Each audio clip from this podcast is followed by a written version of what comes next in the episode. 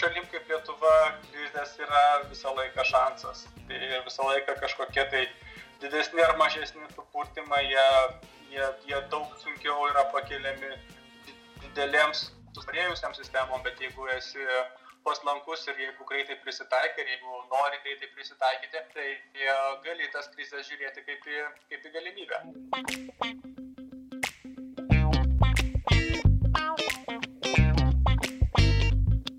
ES šalims vis labiau atveriant sienas, pažvelkime į tuos tolimiausius taškus nuo Lietuvos, kuriuose veikia mūsų Lietuvos diplomatinės atstovybės ir sužinokime, su kokiais būtent iššūkiais teko susidurti Lietuvų repatriaciją organizavusiems diplomatams. Čia Talking Diplomacy.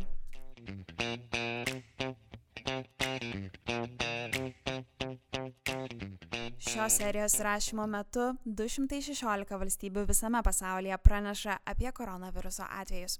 Prisiminkime, kaip viskas prasidėjo. 2019 m. gruodžio 31 d. Kinijos Wuhano provincijoje buvo pirmą kartą užregistruotas nežinomos kilmės pneumonijos atvejais. 2020 sausio 30 Pasaulio sveikatos organizacija paskelbė pasaulinę visuomenės sveikatos ekstremalią situaciją dėl viruso. Vasaro 11 dieną sužinojome ir naują viruso pavadinimą - COVID-19 arba, kaip dabar jau žinome, koronavirusas. Kovo pradžioje virusui pasiekus Europą, pasaulis pradėjo kreipti daugiau dėmesio į Aziją ir didžiausią populiaciją turinčias šalis - Kiniją ir Indiją pagalbos, patarimų ir žinoma produktų. Kol Europa ir Amerikos tik pradėjo svarstyti karantino galimybės, Indija, Kinija ir Japonija jau pradėjo sprendimų, kaip įveikti krizę, paieškas ir ekstremalios padėties režimo bei pasiekmių švelninimą. Indija yra pakankamai unikali šalis, e, lyginant ją su kitomis šalimis, kurios susidūrė su e, pandemija ir kaip jos kovojo.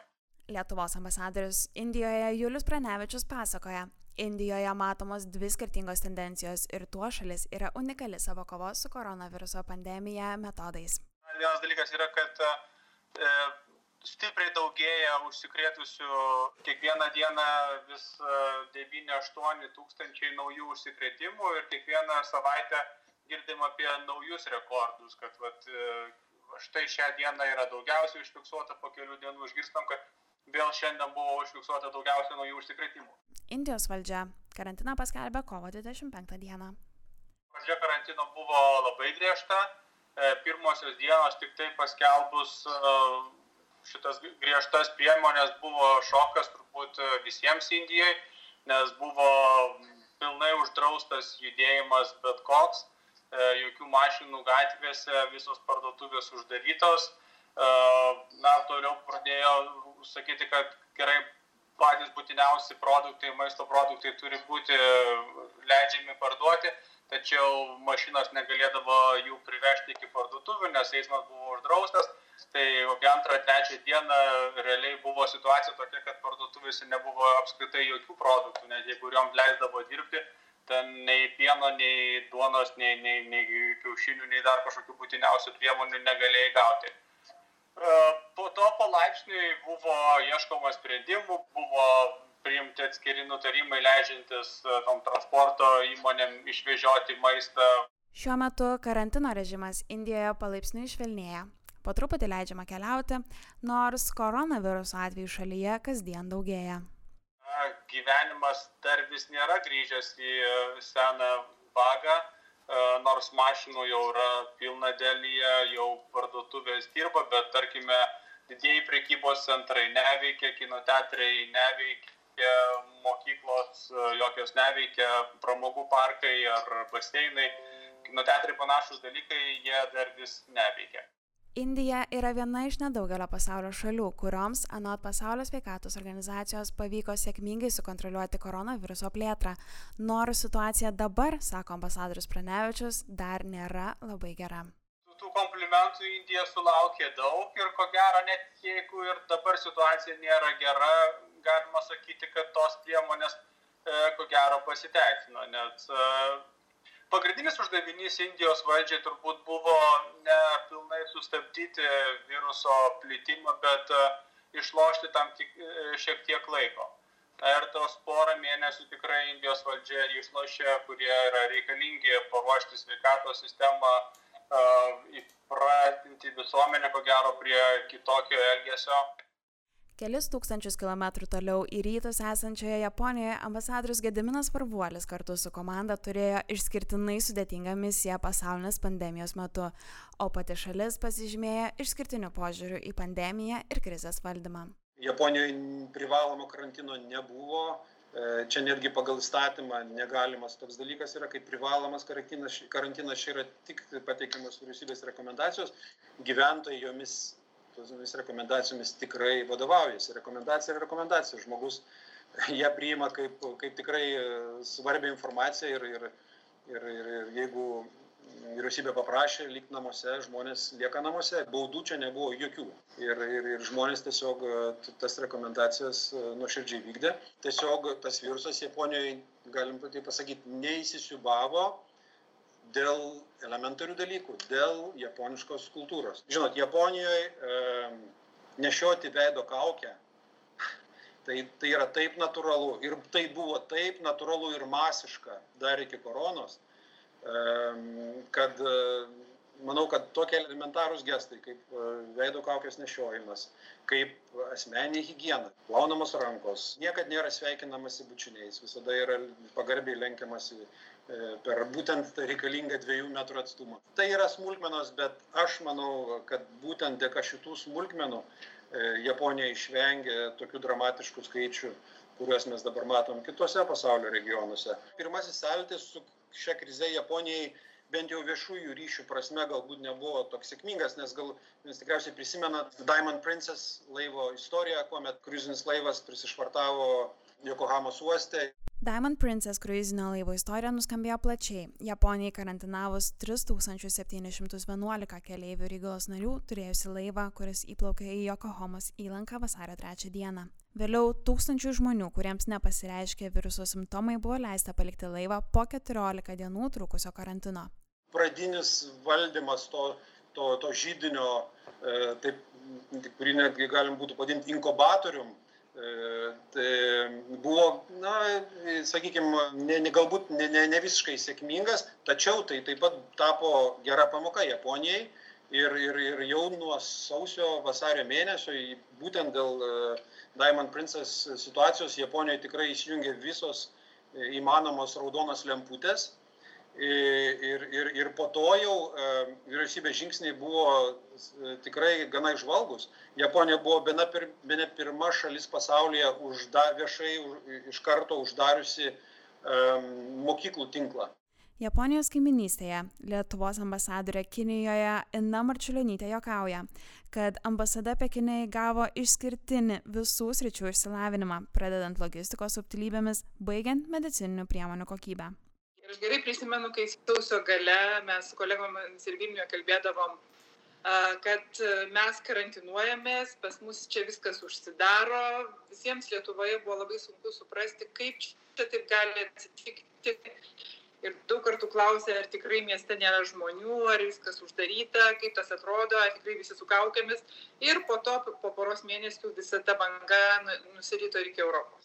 Žinoma, kad mes patapome visiškai kitokią ambasadą, negu buvome, nes darėm visiškai kitokius darbus. Mes jau kalbam, kad pasidarėm ir, ir kelionių agentūrą, mes tapom ir tiek ir įmonių tikrintojais, ir logistikos centrų, kadangi mūsų ambasada turėjo e, užtikrinti, kad tos prekės ne tik būtų nupirktos, bet ir pasiektų Lietuvą. Vadinasi, teko dirbti ir su geležinkeliais, ir su, ir su lėktuvų skrydžių užsakymais, leidimų gavimais. Taip pat e, kai kuriais atvejais teko būti psichologais, nes ypač šitą darbą dirbo konsulė, kuriai reikėjo mūsų piliečius esančius labai skirtingose pasaulio vietose raminti, padėti, patarti, kada geriau grįžti, ar geriau keisti biletą į ankstesnį išvykimo datą, ką daryti, nerandančiam jokių variantų.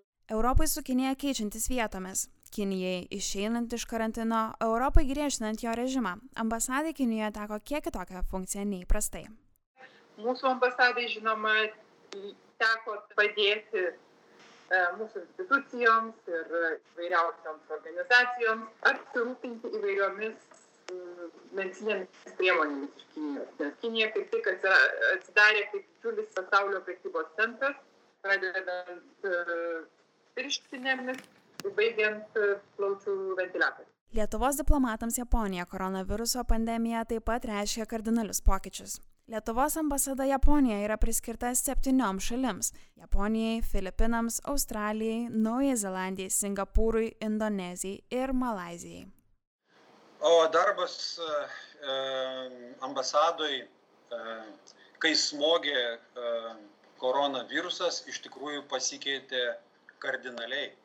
Visi kolegos pakeitė specializaciją ir tapo konsulais turėjo pasiskirstėm šalimis, žmonės buvo atsakingi už atskirą valstybę, nes vienam konsului apriepti visų septynių tiesiog būtų buvo visiškai neįmanoma. Pagalba tolimiausiose žemynų kampeliuose įstrigusiems lietuviams privertė pasitelkti kūrybiškumą, bendradarbiavimą ir visas įmanomas jėgas, pasako ambasadorius Varbuolis.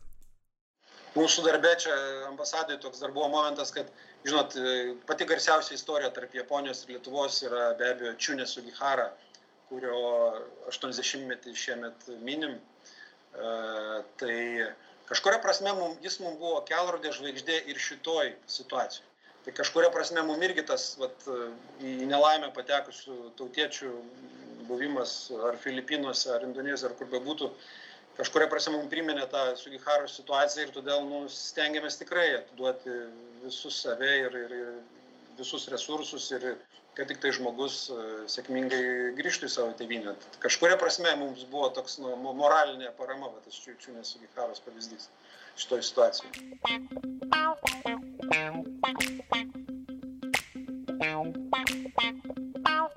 Lietuvos atstovybės Indijoje, Japonijoje ir Kinijoje dėjo visas pastangas pagelbėti lietuviams užstrigusiems visoje Azijoje šios pandemijos metu. Per šitą krizę pamatėme, kiek yra daug lietuvių ir na tas sprendimas toks vieną dieną sustabdyti visus tarptautinius skrydžius, jis aišku atsiliepė visiems, visiems, kurie buvo Indijoje tuo metu. Ambasadorius Pranevičius pasakoja, nors keliautojų iš Lietuvos Indija visuomet buvo apstu, tikruosius skaičius pamatėme tik atėjus tokio masto kriziai. Iki pilno oro linijų veiklos sustabdymo ambasada siekia informuoti ir padėti lietuviams grįžti į tėvynę apie, šimtas e, tų žmonių dar sugebėjo su tais paskutiniaisiais komerciniais skrydžiais grįžti. Tai visiškai kitokia situacija buvo nuo tos dienos, kai buvo uždrausti visiškai tarptautiniai skrydžiai. Tuomet e, liko tik tie specialieji e, repatriaciniai arba evakuaciniai skrydžiai, kuriuos organizuodavo atskiros Europos, Europos valstybės ir, mes mūsų darbas buvo bendrauti su jom, sužinoti, kas planuoja kokius skrydžius ir kas galėtų priimti mūsų tautiečius. Tai mes skaičiuojame, kad nuo to laiko, ko gero, apie kokius 250 ar gal net 300 e, lietuvių e, sutikome ar su jais pabendravome, kurie buvo strigę Indijoje ar aplinkinėse valstybėse. Kiekviena, kiekvieno žmogaus, kiekviena kelionė yra atskira istorija yra, ir mes dažniausiai tą istoriją labai gerai žinodavom, nes sekdavome nuo, e, nuo pirmo momento iki pat e, įsėdimo į lėktuvą. Teko bendrauti su įvairiomis šalimis ir, e, ir čia tos mūsų draugystės, kurios puoselėtos jau yra daug metų, tarp valstybiniai ryšiai, tarkime, mūsų ypatingi santykiai su Šiaurės ir Baltijos šalim buvo ypatingai aktualūs ir tas labai, labai pravertė E, mes reguliariai bendravom ir bendraujame su Šiaurės ir Baltijos šalių ambasadoriais ir jeigu kokie nors skrydžiai yra organizuojami vienos iš šių šalių, dažniausiai ar tai būtų Švedijos ar tai Suomijos, e, Baltijos ir Šiaurės šalių piliečiai yra traktuojami truputį kitaip, mes, mes esame pirmi, kurie sužinome apie tos skrydžius ir turime galimybę savo piliečius informuoti apie tokią galimybę grįžti į Europą Taip pat santykis su Ukraina, pavyzdžiui, mes daug metų rėmėm, padėjom Ukrainai įvairiuose frontuose, dabar, kai ukrainiečiai organizavo savo skrydžius, jie labai geranoriškai sakė, taip, jeigu, e, jeigu yra noro ir, ir reikia, mes padėsime, jūs busite pirmieji mūsų sąrašuose, kuriuo, kuriuos priimsime į savo lėktuvus. Ir tikrai ukrainiečiai priėmė labai daug mūsų tautiečių, kurie grįžo į Lietuvą būtent per Kijevą Bet taip pat ir, ir kitos šalis, ir, ir vokiečiai, ir prancūzai, taip patys čekai, lenkai pagelbėjo. Daug, daugam skolingi likome po šitos krizės, tai yra tiesa. Jeigu pavyksta įsodinti lietuvių įskrendant į kurią nors Europos valstybę, tai to žmogaus kelionė tuo nepasibaigia. Jam tuomet reikia iš e, tos konkrečios vietos, ar tai būtų iš Helsinkio, ar iš Kijevo, ar iš e, Prahos, ar iš dar kažkur tai nusigauti į Lietuvą. Ten mes bendraujame su mūsų ambasada, mūsų, kaip tie žmonės e, keliautų iš, iš, iš ten, iš to konkretaus taško į jau galutinę stotelę į Lietuvą. Tai, e, tai tikrai yra buvę atveju, kai, kai vieno žmogaus kelionė kelionės e, planavime dalyvauja kokie 3-4 ambasadoriai, dar e, kokie 3-4 e, įvairių departamentų direktoriai užsienio reikalų ministerijoje ir, ir pati aukščiausia ministerijos vadovybė. Tai tikrai buvo ne kartą atvejai, kai ir ministrui skambinom, ir ministras gelbėjo, skambindavo kitų šalių ministram, prašydavo, kad mūsų piliečiai būtų e, e, būtų paimti į tuos specialiuosius skrydžius, kurie, kurie skrisdavo į Europą. Ekstremali situacija lėmė dviejų skirtinių nepriklausomos Lietuvos istorijos skrydžių skirtų Lietuvos piliečių repatriacijai organizavimą. Tai buvo skrydis Hošiminas, Bankokas, Kaunas. Tai turbūt pirmas ir turbūt vienintelis toks skrydis. Ir skrydis Balis Vilnius. Jeigu įmant atstumą, geografinį atstumą, tai, tai Balio skrydis buvo tolimiausias kada nors istorijoje vykdytas Lietuvos repatriacinis skrydis. Skrydį iš Vietnamo padėjo organizuoti Lietuvos garbės konsulas Hošiminė. Ambasadorė Maršilintė pasakoja, kas vyko skrydžio organizavimo užkulisiuose ir su kuo teko susidurti. Prieš organizuodami suprantama, kad mes nelabai įsivaizdavom, į kurį žaidimą mes čia įsiveliam. Buvo labai sunku apskaičiuoti kiek tų žmonių gali būti, nes e, iš tikrųjų užsiregistravę buvo virš 400. Paties tas skrydžio organizavimas buvo labai sudėtingas, nes tuo metu užsidarė abi valstybės, ir Tailandas, ir Vietnamas. Ir tam, kad tas skrydis įvyktų, reikėjo ne tik tai erdvės atsidaryti, bet užtikrinti, kad žmonės galėtų atvažiuoti iki oro uosto ir galų gale, kad skristų ta pati aviakompanija, kuriai irgi nebuvo rekomenduojama skristi dar tam, kad jie pakiltų, jie turėjo gauti leidimus perskristi 13 oro erdvių. Ir paskutinis leidimas e, atėjo paskutinę naktį. Žodžiu, nuotikių buvo daug ir, ir nerimo buvo labai daug. Organizuojant skrydį iš Balio, nuotykių taip pat netrūko, jokavo ambasadorius Varvolis. Mums, mažai šaliai, tai, tai buvo tikrai mm, unikali patirtis ir na, tos tokio kasdieninės vadybinės problemos buvo, nu, kurių netgi gal nereikėtų vadinti problemomis, tiesiog spręstini klausimai reikėjo, žinot, gauti visus įmanomus leidimus. Karinės vadovinės, civilinės aviacijos, pradėti be abejo nuo užsienio reikalų ministerijos, įvykdyti diplomatinį apsikeitimą nuotomis, po to koordinuoti, sakykime, keleivių sąrašą, susisiekti su kitom ES ambasadom, jom pasiūlyti, tos, kurios, kuriom, kurios tai sudomino, tada jau su jom koordinuoti jų piliečių sąrašus, žiūrėti, kad būtų žmonių, kad be abejo lėktuvė nei per daug, nei per mažai, kad nebūtų overbookingo su kompanija ir, ir, ir panašiai. Atvykimas į oro uostą, ten pilotų ir, ir, ir įgulos buvimas, nebuvimas, kokio laiko, kiek, kiek, kiek gali išbūti, sakykime, nusileidę ir panašiai. Tai va, to, tokie, sakykime, einamieji klausimai, kuriuos visus reikėjo spręsti, vėlgi per atstumą, nesant vietoj, kas, kas taip pat šiek tiek komplikavo situaciją. Bet uh, labai džiaugiamės, kad, kad, kad pavyko tą atlikti. Ambasadoriai taip pat pabrėžė, krizė parodė, koks stiprus ir reikalingas yra Lietuvos garbės konsulų tinklas, ypač Azijos šalise. Nuo Japonijos iki Naujosios Zelandijos atstumas yra tolimesnis negu nuo Japonijos iki Lietuvos.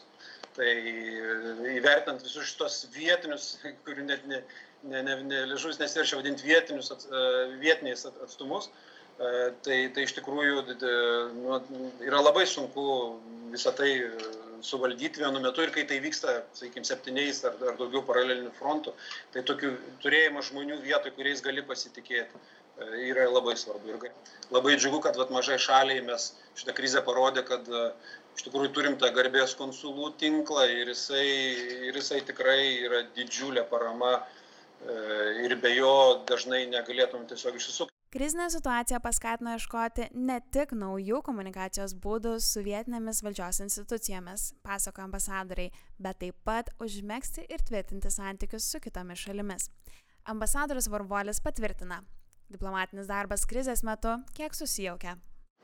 Diplomatija pati iš savęs yra, na, socialinė veikla ir tos taip vadinamos socialinės distancijos, socialinio atstumo koncepto įvedimas į diplomatiją jis be abejo e, sujaukia pat, pačią esmę šit, šitos profesijos. Ir Japonijoje ypatingai svarbu susitikti, apsikeisti vizitinėmis kortelėmis. Vizitinės kortelės perdavimas yra tarsi savies dalelės savęs atidavimas kitam žmogui. E, tai tas, tas, tų kontaktų neliko, bet ta krizė verčia ir japonų diplomatiją, ir japonų visuomenę taip pat ieškoti naujų veiklos E, būdų. Kalbėdami apie Lietuvos perspektyvas ir būsimus santykius tarp žemynų ir regionų, ambasadorė Marčiulionytė ir ambasadorius Pranevičius pabrėžia, Lietuva turi potencialą tapti stipri didžiausių regiono šalių partnerė. Mes uh, turėtume turbūt šnekėti apie, apie tokius dalykus kaip ES ir Indijos santykiai ir, ir tik tai tų santykių kontekste matyti uh, Lietuvos-Indijos santykių perspektyvas. Tai jie uh, tikiuosi, kad jie stiprės, kad e, tie regionai atras vienas kitą, net ir jeigu kalbos toliau suksis apie, e, apie tai, kad kiekvienas regionas turėtų būti nepriklausomas ir turėtų pat gamintis tai, ko jam reikia, bet e, bendradarbiavimo kitokio, reiškia, Indijos įmonės atkeliautų į Europą ir čia gamintų tai, ką jos šiandien gamina Indijoje ir tai, kad daugiau europiečių, tų pačių lietuvių, kurie kažką sėkmingai daro Lietuvoje, jie ateitų į Indiją ir šitoje didelėje ir augančioje ir labai perspektyvioje rinkoje kažką tai gamintų ir vietoje pardavinėtų. Aš manau, tokie dalykai jie, jie gali būti ir jeigu mes e, teisingai atspėsime tas tendencijas ir jeigu mes e, sugebėsime iššokti tą traukinį, tai e, bus, bus, bus mūsų sėkmė. Manau, kad mes jau šiek tiek pramokom patys ir, ir, ir aš mačiau, kad e, atsirado daugiau gamybos įvairių priemonių, kurių mums reikia, pradedant nuo dezinfekcijos injekcinio skysčio, baigiant plaučių ventiliatoriais. Natūralu, kad e, mes su savo kūrybiškumu ir išradingumu tai buvom pavyzdys daugam, nes žiūrėkit tos visos mūsų istorijos ir, ir apie kino teatrus oro uoste, ir apie, ir apie atvirą miestą kaip vieną kavinę, ir, ir apie madas kaukių e, buvo, buvo gerokai gerokai paplitusios žinutės per visą pasaulį ir tarp, tarp, to, tarp tų šalių buvo ir, ir Azijos valstybės, kurios tas žinutės labai mielai priėmė ir skaitė ir labai džiaugiasi Lietuvos kūrybiškumu. Bet ko gero tokių dinamiškų, judrių šalių kaip Lietuva, e, tai tokiom šalim kaip Lietuva krizės yra visą laiką šansas. Tai visą laiką kažkokie tai didesni ar mažesni supurtimai, jie jie, jie daug sunkiau yra pakeliami didelėms sustarėjusiam sistemom, bet jeigu esi paslankus ir jeigu greitai prisitaikai, ir jeigu nori greitai prisitaikyti, tai gali tas krizės žiūrėti kaip į, kaip į galimybę. Tai aš tikrai linkėčiau taip ir daryti. Pasakojo ambasadorius Indijoje ir ambasadorė Kinijoje.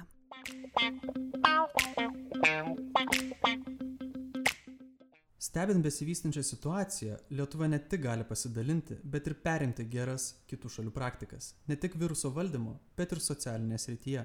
Ambasadorius Pranevičius pasakoja. Na, man tas gražus Indijos galbūt buvo susitelkimas, kad, kad visuomenė pakankamai brandžiai reagavo į lyderių raginimus e, niekur neiti, kur, kur nereikia eiti, na, likti namuose, padėti tiem, kam labiausiai reikia tos pagalbos. Tai toks visuomenės mobilizavimas jis, jisai buvo Indijoje, bet, bet nebejoju, kad jisai buvo ir Lietuvoje. Tai čia tos tokios gerosios krizės pamokos, kurios, kurios visą laiką pagalvoju, kad būtų labai gerai, kad, kad, kad liktų ir ateityje. Ambasadorė Maršilintė pritarė, kad laikotarpis parodė stipresias komandų pusės. Aš manau, kad šitas laikotarpis iš tikrųjų parodė, kad um, bet kokiu sudėtingu laikotarpiu vėlgi labai daug kas priklauso ir nuo iniciatyvų, ir nuo, nuo to, kad tu turi pamatyti, iš ko galima pasimokyti ir kam tą patirtį galima perduoti. Tai mes bandėm matyti tai, kas vyksta čia ir, ir, ir, ir perduoti Lietuvai. Patys pačioje pradžioje buvom proaktyvūs. Ambasadorius Varvolis pabrėžė, kad labai svarbu atsižvelgti ne tik į šalių praktikas, bet ir į kontekstą. Aš manau, kad Lietuva, jeigu imti ne, europinį kontekstą, tai iš tikrųjų krizę valdė pakankamai gerai ir, ir, ir tas na, anticipavimas krizės, kaip čia pasakyti, užbėgimas jai už, už akių irgi buvo būdingas pirmiesiems Lietuvos veiksmams ir tai, tai manau, yra palygintina su, su Japonija. O visą kitą, manau, turėtų pasimokinti mažiau diskutuoti apie tokių dalykų kaip kaukių reikalingumą ar nereikalingumą. Tiesiog jeigu Azijoje tai duoda rezultatą, tai manau, kad nereikėtų to kvestionuoti. Tiesiog, tiesiog tuo, tuo sekti, geraisiais pavyzdžiais, vieni kitų sekti, gerosiomis praktikomis tiesiog minimizuotas tas rizikas.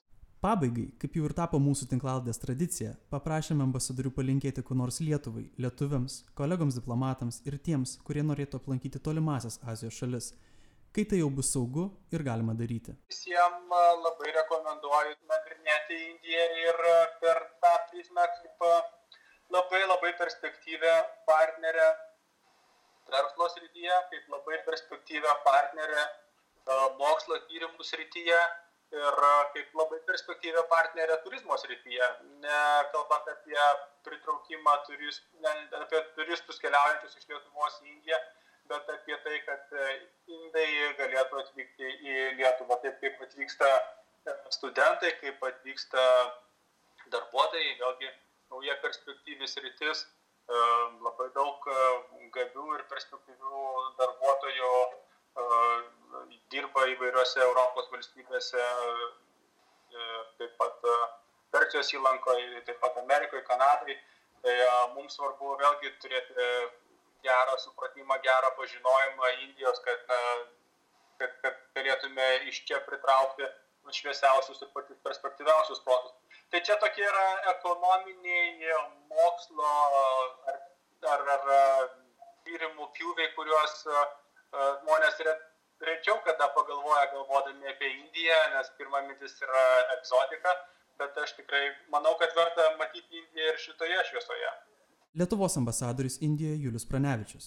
Pirmiausia, tai norėčiau palinkėti, kad nebūtų antros pandemijos bangos. Ir turbūt to visi mes savo turim palinkėti ir manau, kad taip turėtų ir būti. O jeigu jinai nedaug dievė ištiktų, tai vis tiek jau jai būtumėm visiškai gerai pasiruošę.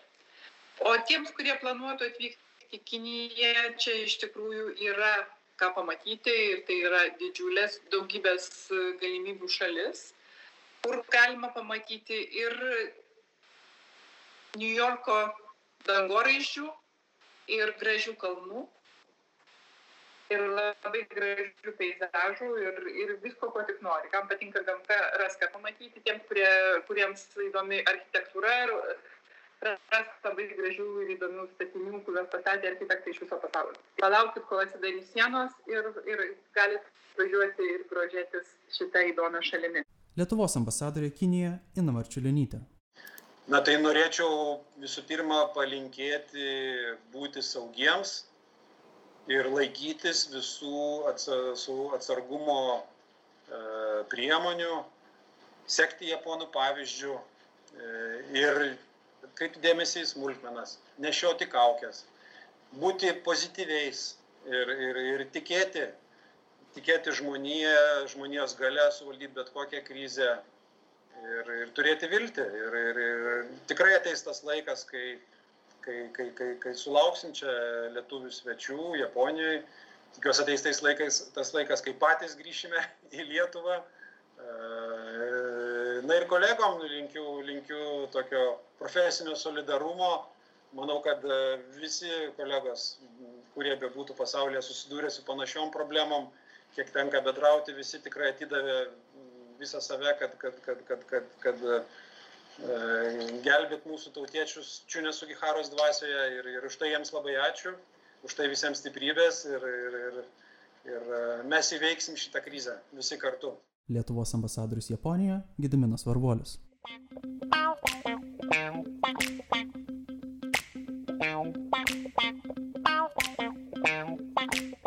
Su jumis buvo Talking Diplomacy. Jeigu norite pasiklausyti kitų mūsų serijų, mus galite rasti Spotify ir kitose tinklaladžio platformose arba Užsienio reikalų ministerijos YouTube kanale.